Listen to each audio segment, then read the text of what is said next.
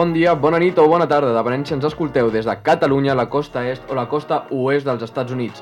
Torna Matchday per segona setmana consecutiva, motiu de celebració veient aquest inici de temporada. Aleix, què tal? Doncs sí, sí, motiu de celebració perquè és un inici de temporada molt complicat, més complicat potser que el dels Lakers, però aquí estem, donant el, el callo. Arnau, com va? Doncs bé, una mica trist perquè els Warriors han perdut aquesta matinada, però bé, Oh. content perquè tornem a tenir Matchday i a veure què dura. Així és, i ja ho haureu notat que ens sentiu una mica diferent respecte als altres programes i és que abans d'entrar en matèria, avui em fa molta il·lusió presentar el primer convidat de la nova temporada de Matchday. Ve per via telefònica, per això es sent una mica diferent avui al programa i és que el farem a quatre veus. El programa d'avui estic convençut que a alguns de vosaltres ja us sonarà directament des de les pistes de bàsquet de Vallcarca a Barcelona o si més no des del restaurant de Fideus que hi ha al costat. Jordi Canelles, encantats de tenir-te per aquí, Canye. Bon dia, bon dia, doncs, des del restaurant, exactament. M'has enganxat. Com esteu? Molt bé, ja has sentit. Eh, S'està bé des del llitet de casa teva? Sí, sí, sí, bastant, bastant, no em puc queixar. Home, per les hores acompanya al final, eh? O sigui, si Matchday havia començat precari, amb això una mica més, però bueno, esperem que aquesta modulació una mica de sons eh, s'escolti bé després al, al podcast i si no, doncs mira, us aguanteu que aquestes són les qualitats a les quals ens hem de tenir. Parem una mica de qualitat de son, però guanyem a canya. O sigui, en el còmput general, sortim en positiu avui. I entrem ja en matèria. Avui parlarem d'aquells jugadors als quals a vegades no se'ls reconeix suficient. Les segones unitats de l'equip, la banqueta, els 600 homes. En definitiva, una de les parts més importants. Ja pots tenir 5 homes bons, que si no tens una rotació sòlida, doncs malament rai. Per fer-ho, primer de tot donarem una ullada als jugadors que millors estadístiques promitgen sortint des de la banqueta. I després veurem quins equips aprofiten millor les seves banquetes.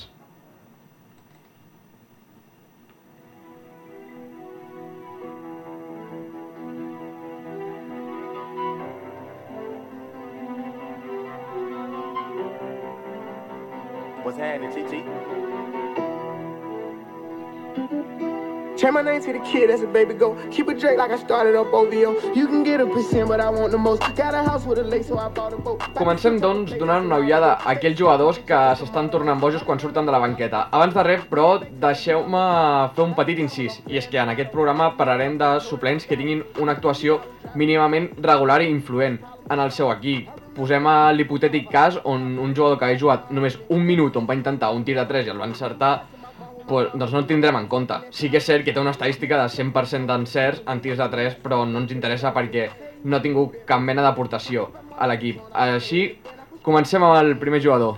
Un Doncs- tal Tyler Hero. Sí, comencem amb un jugador que ja va ser protagonista en el passat podcast, Tyler Hero, un dels candidats més seriosos a sisè home de l'any i ben seriós perquè tant l'Aleix com jo el vam vaticinar com a guanyador d'aquest premi. Fins ara porta 21 punts i mig, 5,6 rebots i 3,7 assistències per partit. Cosa que és d'agrair perquè l'any passat va desaparèixer del mapa després de fer uns grans partits a la bombolla i aquest any se li exigia que donés un pas endavant. Partits com el de Utah, Lakers o els Bucks, on ha anotat més de 27 punts sortint des de la banqueta, han fet que sigui un jugador molt més que important per Miami. Aquest any es veu finet amb els tirs, encara que pot millorar els percentatges, té un 36% en el triple, que encara és baixet. Té moltes ganes de tocar molta bola i no té cap tipus de por de dirigir i inclús picar-se les boles calentes en el clutch. No sé, Jordi, què opines tu de l'inici de temporada de Tyler Hero? Home, és espectacular, és espectacular i, sincerament, jo l'any passat ja pensava que aquest senyor eh, deixaria de, de buscar-se una estrella de la NBA, se'l veia molt que sigui amb models a l'Instagram, que sigui molta festa, que sigui tot això, i aquí ja vaig pensar, bueno, és un senyor que ha arribat a la NBA jove, s'ha posat al cap i no serà mai res.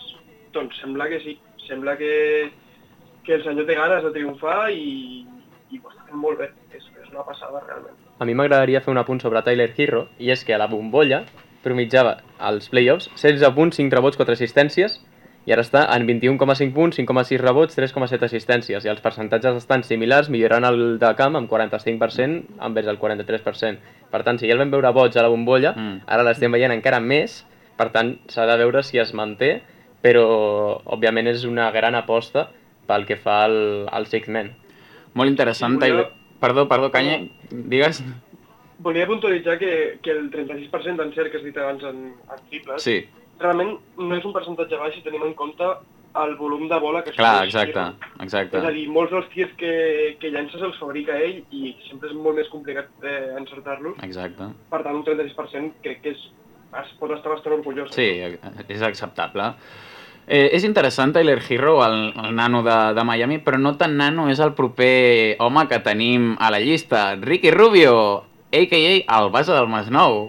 Quina bona pronúncia per TV3, eh?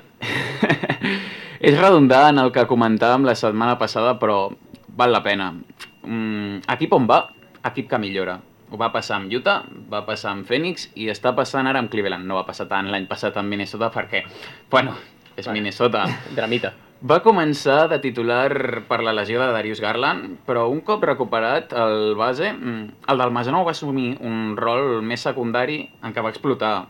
Pel record queda aquell partit històric al Madison Square Garden, però és que a més promitja gairebé 14 punts, 4 rebots i gairebé 7 assistències sortint de reserva.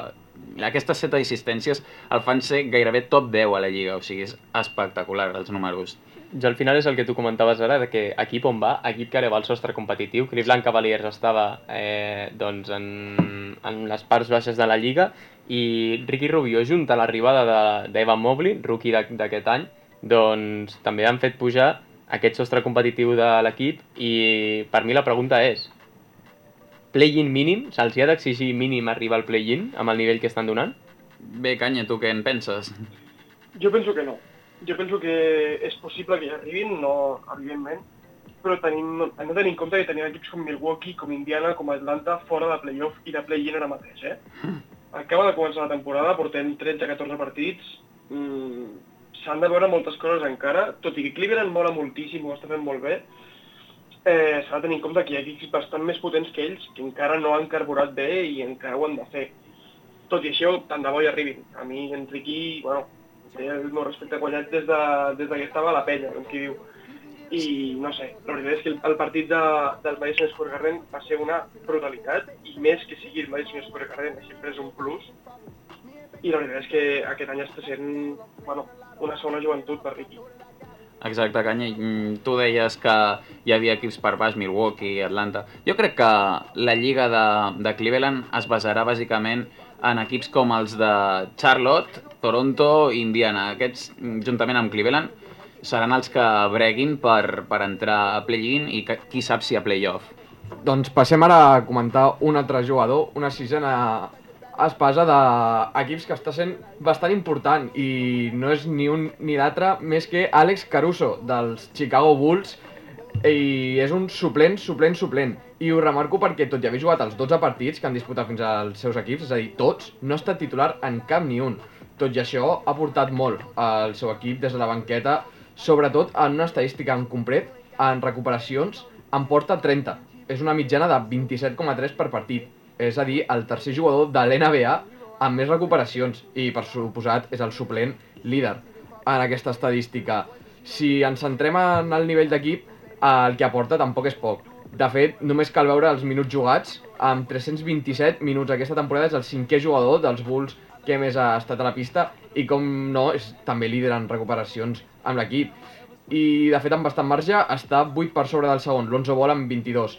A destacar també per part seva les assistències per partit, té un promig de 3,5 i només el superen 4 suplents en la llista de suplents de l'NBA. Doncs, Xavi, sí, és un jugador superinteressant. Has dit que és um, el cinquè jugador dels Bulls que més està jugant i ho vam dir la setmana passada, que um, en, par en partits on la cosa es complica, el que fa Chicago és situar quatre petitons al voltant de Vucevic i un d'aquests és Alex Caruso, que li aporta moltíssima intensitat defensiva a l'equip. Sí, al final és un jugador que defensivament et puja el sostre i potser és això, a nivell de números, doncs no et donarà tant, perquè no és el tio que et surt de la banqueta i t'aporta la de l'hòstia de, de números, però és que gent així a la segona unitat hi ha, hi ha hagut al llarg de la història, no? jugadors molt bons que sortien des de la banqueta i defensivament elevaven el sostre de l'equip i jo crec que és el que necessita Chicago amb tanta gent bona a nivell de qualitat, doncs un tio que se les deixi, no sé si heu vist el vídeo de l'altre dia de, de la defensa Stephen Curry, Sí, que és, que és l'última possessió del tercer quart i li palmeja un parell de vegades la pilota i no el deixa tirar a gust. què opines tu de, de Caruso, Canye? Quin error va cometre eh, el general manager dels Lakers al deixar anar aquest senyor, per favor. O sigui, aquest senyor és un, és un tio que et puja el sostre competitiu sempre, perquè la defensa de- d'aquest senyor és la millor defensa exterior de la lliga, tra traient a Kawais i traient a un parell més. Eh, ofensivament, és un, un jugador que, bueno, tampoc és que sigui un talent generacional ni res d'això, però també compleix amb quants percentatges entre el que cap i tot això, però defensivament és una passada. Aquest senyor a playoffs donarà molt de què parlar. Sens dubte. Mira, parlaves dels Lakers i ara ens movem a la franquícia Angelina perquè tenim un jugador que és bastant preferit en aquest, en aquest podcast. Una abraçada a Pau García Arguello, si és que ens escolta, perquè aquest home ens escolta... Bueno, no ens escolta, qui sap. Tinc entès que sí, eh? Sí? Tinc entès que és oient habitual. Doncs, doncs una, una abraçada si ens escolta, perquè jo crec que és l'home més pesat de la història amb aquest home, eh? Parlem de Carmelo Anthony, un jugador que als 37 anys molta gent donava per mort, però no, estava parranda. Està complint el seu rol a LA a la perfecció. Se'l va portar per fotre triples i això és el que està fent. Tot i entrar des de la banqueta, és un dels jugadors dins del top 5 en triples anotats aquesta temporada en tota la lliga. En porta 40, bueno, no, 43, perquè aquesta nit n'ha fet 3 més, que són... Bueno, que n'acumula 3 per partit. Ha complert amb, amb l'anotació que, aquesta nit. A més, està tenint actuacions de, de gran anotació, superant els 23 punts en 5 ocasions ja. La veritat és que si es mira el ràtio d'actuacions bones per partit que està fent a Los Angeles comparat amb Portland o Oklahoma, és aclaparadora la superioritat angelina. Sí, al final és un jugador que feia poc està, estava desaparegut. O sigui, Fa qüestió d'any i mig no tenia equip. És que això és, és una passada. Però, clar, ara arriba als Lakers i al final també el, el fet de... Jo ja parlo a nivell de premis, eh? Però el fet de- d'emportar-se al sisè home també dependrà d'on estigui l'equip al final. Sí. Però sí que és veritat que si algú està elevant el sostre competitiu de l'equip és ell. O sigui, al final, si no aportes els punts de Carmelo Anthony, ahir crec que es va cascar també un bon partit. Eh, no sé si tu vas veure el partit dels Lakers ahir, Jordi. Sí, sí, sí, el vaig poder veure a trossos, no el vaig veure sencer, però, però sí, sí, més o menys el vaig veure, el vaig anar a. És, aquest senyor, per mi, ho sento molt, però jo, el, el, és el meu clar favorit per, per Jaume Davant. No només per, per estadístiques, que segurament entre, entre Tyler Hero i Montres Harrell segurament podrien, podrien discutir-hi bastant, però aquest senyor té 37 anys. 37 anys. Les narratives. I, La història que té i darrere és, és molt això, forta. anava a dir exactament això, al final la NBA és una lliga que de, de narratives i d'històries, i quina millor història que de Carmelo Anthony. Exacte. Sí, sí, 100%. I l'has nombrat ara justament, Kanye, passem a parlar de Harrell, on és el Harrell, el pivot dels Washington Wizards, que per ser el suplent de, de l'equip dels Washingtons té un, una molt bona eficiència. Eh, ho recordo rapidíssimament, l'eficiència, l'estadística que serveix per mesurar el rendiment en general d'un jugador. En compte punts, rebots, assistències, recuperacions, taps, pèrdues i el nombre de llançaments intentat. Doncs bé, eh, Harrell és el suplent amb major eficiència de la lliga i de fet no es, col no es cola en el top 10 de jugadors amb major eficiència per molt poc. Eh, té una eficiència de 25,09, és a dir, el 13è jugador de la lliga. Per fer-nos a la idea, està per sobre de Doncic i Adebayos, fins i tot. És una passada, això, eh? Sí, sí, sí.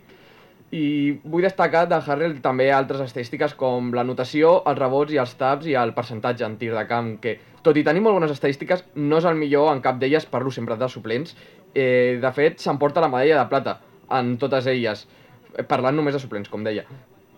Té una mitjana de 18 punt, 18,09 punts per partits, només superat per Tyler Hero, eh, 9,27 rebots per partits, només superat per Andre Drummond, 1,18 tas per partit, només superat per Hassan Whiteside i finalment un 63,98 en tirs de camp, només superats per Jabal Maggi. Precisament és el que deia abans eh, de l'eficiència. Tot i no ser líder en cap estadística, en cap apartat en concret, aporta tant i de forma tan diferent a l'equip que el fa ser un dels jugadors més eficients i determinants sortint des de la banqueta. Quina de noms i quina de personatges acabem de nombrar, eh? Andre Drummond, Hassan Whiteside, Bueno, al final, Javel són, McGee... al final són jugadors que estan amb el seu rol i amb el seu paper. Ex- Exacte, que ara mateix en temporada regular és el clas, eh, o, o sigui, és el cas claríssim de Montrez Harrell, que en temporada regular et pot aportar moltíssim, però ja quan s'acosten els playoffs costa més de, de veure. És, un, és aquest tipus de jugador, al final t'aporta el que, el que t'ha d'aportar sortint des de la banqueta, és un, és un plus, veurem. En aquest cas, no sé, Jordi, si tu a Wizards els veus entrant a playoff. I tant, home, ara mateix són el tercer millor equip de la Lliga.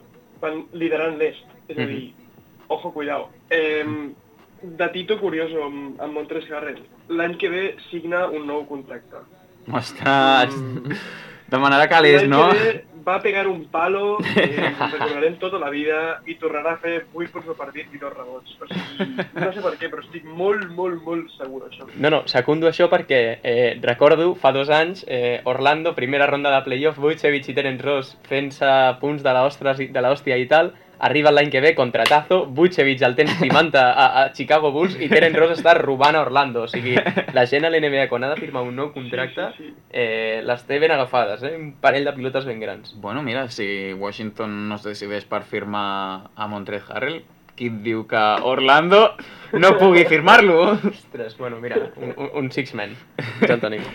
Bé, doncs tanquem la llista d'aquests eh, 600 homes amb Buddy Hill de Sacramento, un cas bastant semblant al de Carmelo Anthony, però amb la diferència que Buddy Hill ja pertanyia a Sacramento en aquest cas, i em corregireu si, si podeu, però Buddy Hill no era titular l'any passat en aquest equip? Sí, però diria que aquest any està el fet dels dos bases, Sí. més Halli... o sigui, està Halliburton també, Sí, o sigui, és, eh, qui, quin és el, el cinc inicial aquest any? Doncs un segon que te'l busco, però és això, em sorprenia molt veure, veure a Buddy Hill des de la banqueta. Perquè jo diria, jo diria que està eh, D'Aaron Fox, Mira, és mm, De'Aaron El Fox, darrer partit va ser titular. eh, Eh, Halliburton, Harrison Barnes... sí, eh, Richard Holmes i Metu. Har- Oh, Metu, que no el conec, el Metu Sí, aquest. sí, més en Metu. No sé qui és, jo tampoc. És el, a- a- el vaig veure ahir. Buscant perquè m'agradaria nombrar aquí, tot i que Buddy Hill sigui molt bo, foti molts triples i tal, per mi... Bueno, foti molts triples, sí, bàsicament, això. sí. Per mi l'estrella de l'equip, aquest any, unexpected, i ojo al mit, Harrison Barnes. Bueno, ha, ha tingut 3-4 partits No, no, no, no, 3 o 4 partits, no, que està, punt, està fent uns números de bojos, jugant tots els minuts de l'equip i tots els partits de l'equip, i estem parlant de Buddy Hield, eh? Però Això qui, qui, està, qui està elevant el sostre de Sacramento en part és també Harrison Barnes, per nomenar-lo, ja està. Va, que estem parlant massa de Sacramento i no podem omplir tant el cupo. Eh, Buddy Hill, eh, un jugador que se'l demana única i exclusivament per ficar triples i ho fa. Tot i ser suplent, és el segon triplista de la Lliga. En total, eh? Porta 50 threes. I a més, acumula més de 16 punts i mig per partit. Què més vols un tio sortint de de la banqueta? És el que et demanen al final. Eh, ja per acabar aquesta secció, la pregunta pel Jordi és eh, el traspàs de Westbrook el borres i, i pilles a Buddy Hield? No? Allò que es deia... Que és, Sí, perquè va sonar, eh? Exacte, va sonar Buddy Hield. Eh, sí o no, Jordi? No, no, Ostres, perquè... molt rotund. Que el... No, no, Buddy Hield m'encanta, eh? i crec que encaixa millor amb, amb LeBron i, i Davis, això és un dubte. Però, tenint en compte que LeBron és gran, que es perdrà partits i que Anthony Davis també té problemes amb lesions, sempre és millor tenir una tercera estrella que t'asseguri guanyar partits de temporada regular. Per què? Perquè si no passa el de l'any passat, que quedes setè i et xoca contra el segon. Pateixes i et quedes fora. Em, tot i que Westbrook no sigui el millor encaix per els dos, per la parella dels Lakers, penso que sí que s'havia de tenir una tercera estrella i més quan els equips eh, més contenders, com els Nets o els, els uh, Bucks, estan buscant això. Penso que no, era un fitxatge gairebé obligat, el de Westbrook, tenint en compte que no podíem optar a algú millor, evidentment. Llàstima que ara mateix Westbrook estigui més en modo Westbrick que no Westplash. Va, una miqueta. Sí, sí, vaig, he vist algun vídeo de, de Westbrook tirant a, a taulell, però un, un, unes pedrades que dius, però on vas? tio? Que quasi trenca el vidre del tauler. Per favor.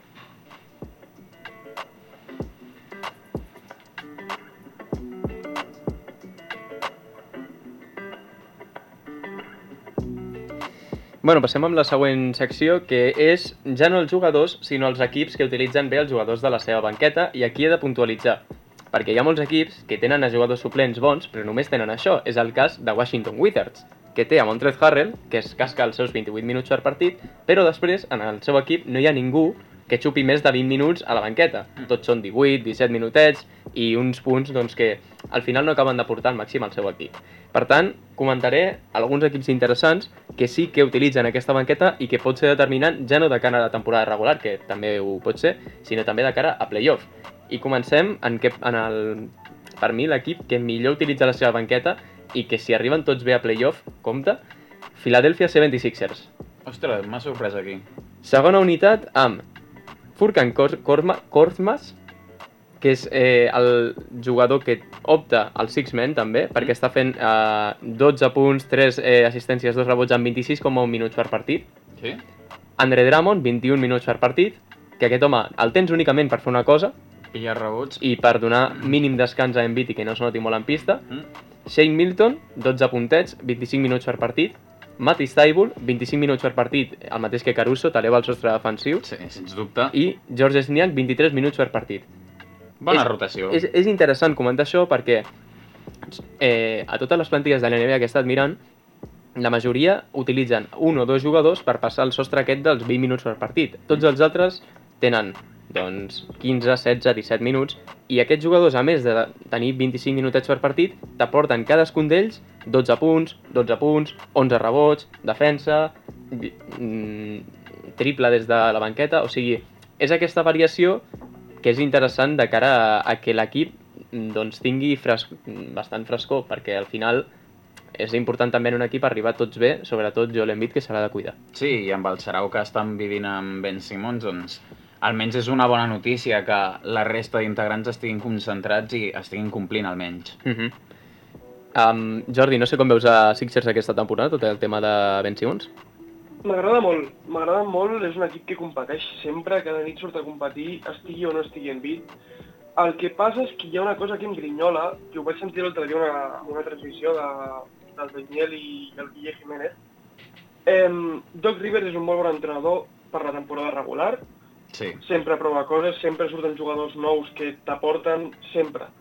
El que passa és que a playoff aquestes rotacions es disminueixen, eh, els suplents deixen d'aportar tant i, i no va tot tan rodat com a, com a temporada regular. Això, de fet, ho vaig comprovar mirant estadístiques i tot això de quan estava als Clippers i té tota la raó del món el Daimiel que ho deia l'altre dia. No ho sé, veurem com, com evoluciona i a playoff veurem si tots aquests jugadors que estan importants ara ho segueixen sent perquè no crec que, que tots passin el sostre dels 20 minuts ni que tots facin més de 10 punts. Crec que al final la rotació playoff és més curta i es quedaran amb 7 o 8 jugadors de rotació. Uh -huh. Doncs és important això veure també en un altre equip eh, que ja hem comentat abans un jugador que en aquest cas trenca una mica la regla que porto jo però és que els altres que estan a la banqueta estan aportant i molt bé també Cleveland Cavaliers Mhm. uh -huh. amb Ricky Rubio, Isaac Okoro Arnau, aquest t'agradarà hombre. Kevin Love i Cedi Osman que tots estan pillant més de 20 minuts i tots estan promitjant més de 10 punts per partit eh, doncs amb Ricky i Okoro que tenen 27 minuts per partit i Ricky amb els numerazos que hem apuntat. Al final és un equip també que s'ha de tenir en compte perquè està gestió de minuts i veurem si això li ajuda a arribar a aquest play-in que jo crec que cada dia està una mica més a prop si segueixen, toquem fusta, al nivell al que, al que estan. I després, l'últim equip que em queda per comentar al 100%, eh, per una mica més en profunditat, és eh, els Clippers, eh, en aquest cas, que tenen a la banqueta per mi el trio La La La, que és eh, Ui. no, eh, un dels germans Morris, que no sé si és Marcus o Marquif. Marcus, Diria que Marquif és- està a Miami. Marcus, Marquif és el que es pega. Luke Kennard, Els dos es peguen, Aleix, Sí. els dos. Luke Kennard i Terrence Mann, mencionar Terrence Mann perquè Sí. és un jugador que ara mateix està promitjant 11, 11 puntets, 5 assistències, pillant més de 26 minuts per partit, però que és un tio que ja vam veure al- als playoffs de l'any passat que té un Sí. sostre molt alt Sí. i que si segueix a un nivell així i pugui aportar des de la banqueta, al final són tres jugadors de rotació que jo crec que al playoff es mantindran eh, i que doncs, poden aportar aquest extra eh, que necessita Clippers aquest any que no està Kawhi. No sé com ho veus tu, Jordi. Sí, sí, sí, tant. O sigui, a més, crec que aquest any els Clippers no tenen res a perdre i crec que això vindrà molt bé a les segones unitats i als jugadors menys habituals o, o que han, ja han estat menys habituals. Perquè al final tens un, un, una persona que t'ocupava 40 minuts al partit que ja no els ocupa i aquests s'han d'omplir. I al final tens moltes més oportunitats sent un jugador de segona, de segona unitat. Um, per mi, jo mateix no segur playoff i, i veurem si passen alguna ronda de contra el Stocky perquè és un equip que competeix com gossos cada nit. És una passada. Per últim, equips interessants que m'agradaria comentar, amb algun jugador interessant que ens hem deixat de comentar abans, a Utah amb Jordan Clarkson. Sí, eh, clar, el- l'etern sisè home. sisè home també de l'any passat. Dallas Mavericks amb Jalen Branson, ojo, 15 Ah. puntets, 5 assistències, 5 rebots, més de 28 minutets per partit, que en aquesta frescor també al, al quintet inicial. Boston Celtics, que té també a Schroeder, que està comptant com a jugador que surt des de la banqueta. No, no és titular, és Roder? No és titular segons Basketball Reference, Ah. llavors estic bastant ben cobert, i Josh, Richards, Mm. Josh Richardson, que Sí. aquest, aquesta rotació de suplents junts amb Romeo Lanford l'altre dia va donar el triomf contra Miami, si no vaig errat. Mm. També hi ha equips interessants com Brooklyn Nets, tot i que té una rotació una mica de viejos, no? Té a Patty Mills, que està fent bona temporada. Ojo, Patty Mills, que aquesta, aquesta nit ha fet 29 punts i ha anotat 9 triples. Doncs aquí és el que, malament. aquí Se- és el que tenim. Se li demanava a la rotació de Brooklyn que espavilés una mica perquè estava Kevin Durant molt sol, va espavilar una mica més James Harden, però els secundaris no acaben de quallar i la setmana passada Joe Harris va fer 24 puntets, avui eh, Patty Mills 29, o sigui, compte que no s'enxufin els nets. I la Marcus Aldridge, que des de que està recuperat doncs, també pot aportar Ell una va miqueta, fent, poc i a si poc. va fent, doncs, doncs endavant.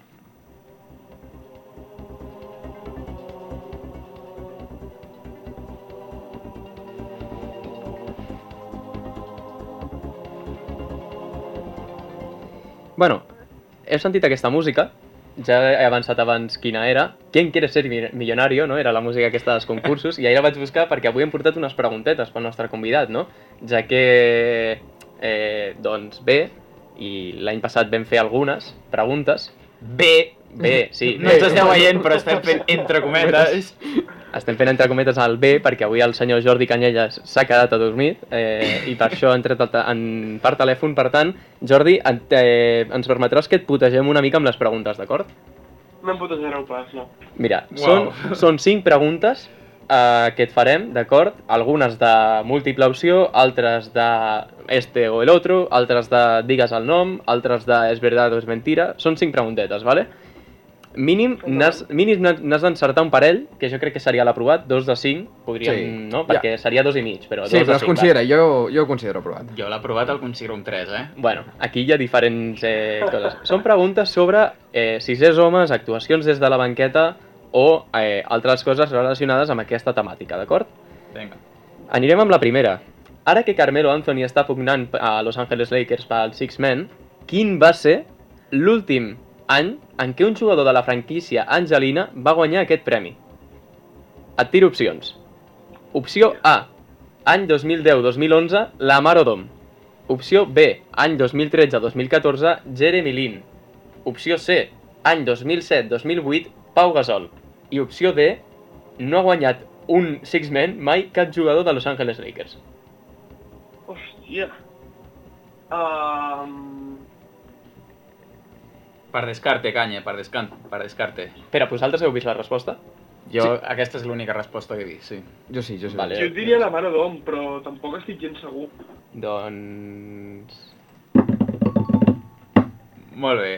Encert per Jordi Canyelles, Vale, vale. la Mare d'Om. Vale, vale. La Mare d'Om, l'únic jugador de Los Angeles Lakers que ha guanyat un sisè home, en aquest cas va ser el 2011, i més estrany perquè Pau Gasol, el 2007-2008, va fer una temporada de bojos sortint la majoria de partits des de la banqueta. Hòstia, no era titular? no era titular, Ah. segons vaig estar mirant a Basketball Reference, i, i bueno, doncs, eh, la Mare d'Om, únic sisè home de Los Angeles Lakers, podria guanyar un altre, Carmelo Anthony. Segona pregunta. Aquesta ja no l'heu vist vosaltres, No, jo no. per tant, també podríeu concursar en cas de que volguéssiu. Vinga.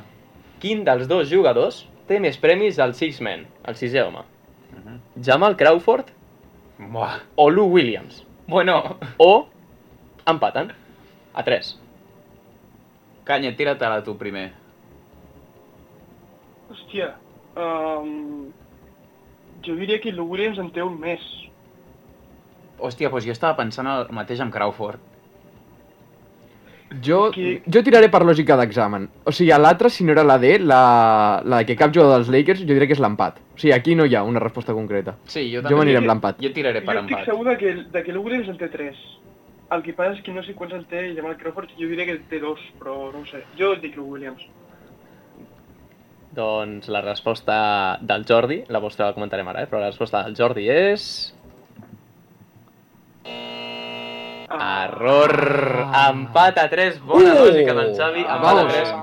Lou Williams té eh, 3 six men Tres, i tres. eh, Jamal Crawford té 3 sisers eh, homes també. Per tant, els dos jugadors que, que tenen eh, aquest premi Mm? empatats. Tercera pregunta.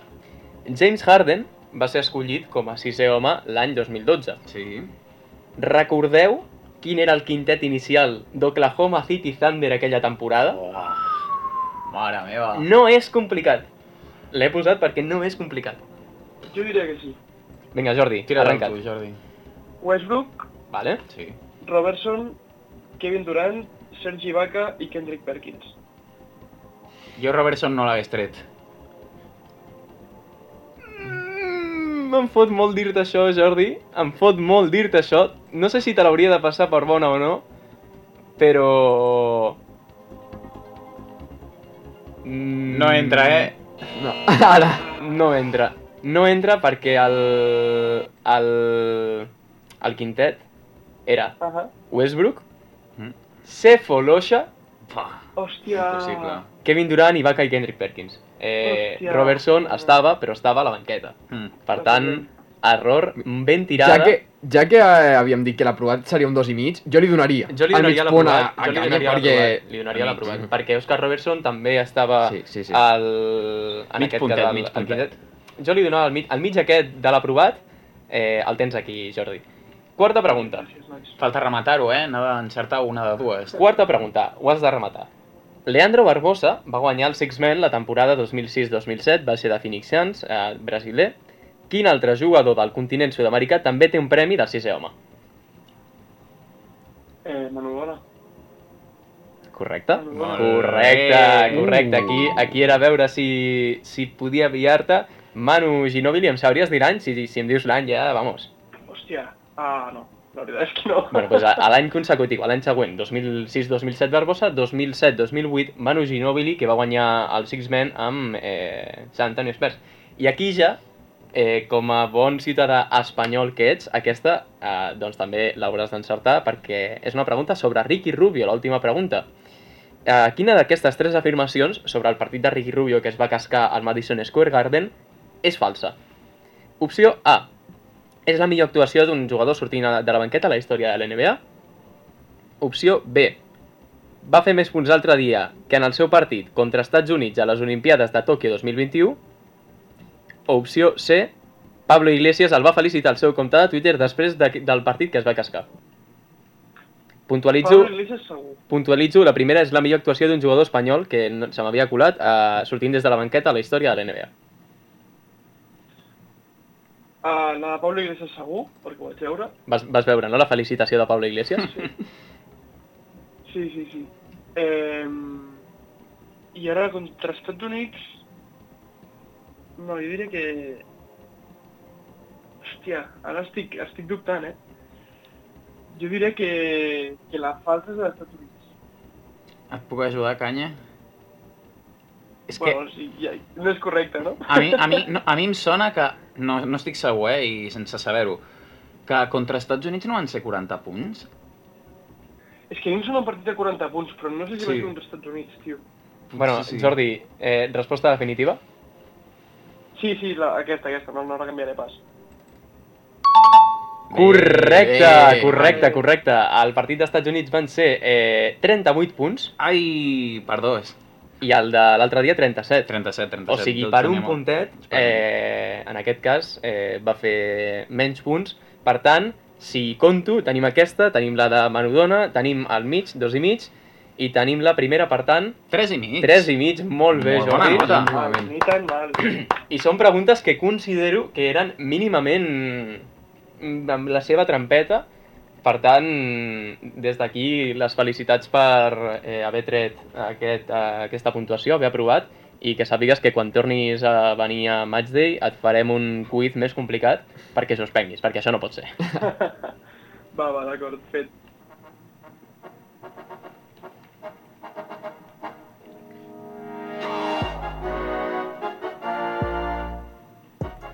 I bé, nosaltres anem passant ja, ens despedim fins la setmana que ve, o toco fusta, almenys per això, per poder-nos tornar a sentir la setmana que ve si és que no passa res.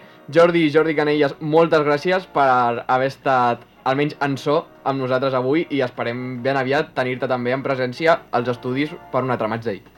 Moltes gràcies a vosaltres per convidar-me, a veure si el següent dia el meu despertador es comporta i, i em desperta l'hora que toca.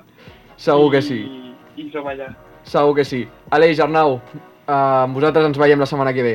Ha estat un plaer seguir aquí durant dues setmanes consecutives i que es mantingui una mica, si us plau. Doncs sí, anem a per la tercera i esperem que la següent doncs, vagi tot més... Més rodat, Més rodat, sí. i amb més rodat. qualitat de so, no? Amb més quali... bueno, No estaria anem, malament. Anem, anem millorant, cada setmana anem millorant. Exacte.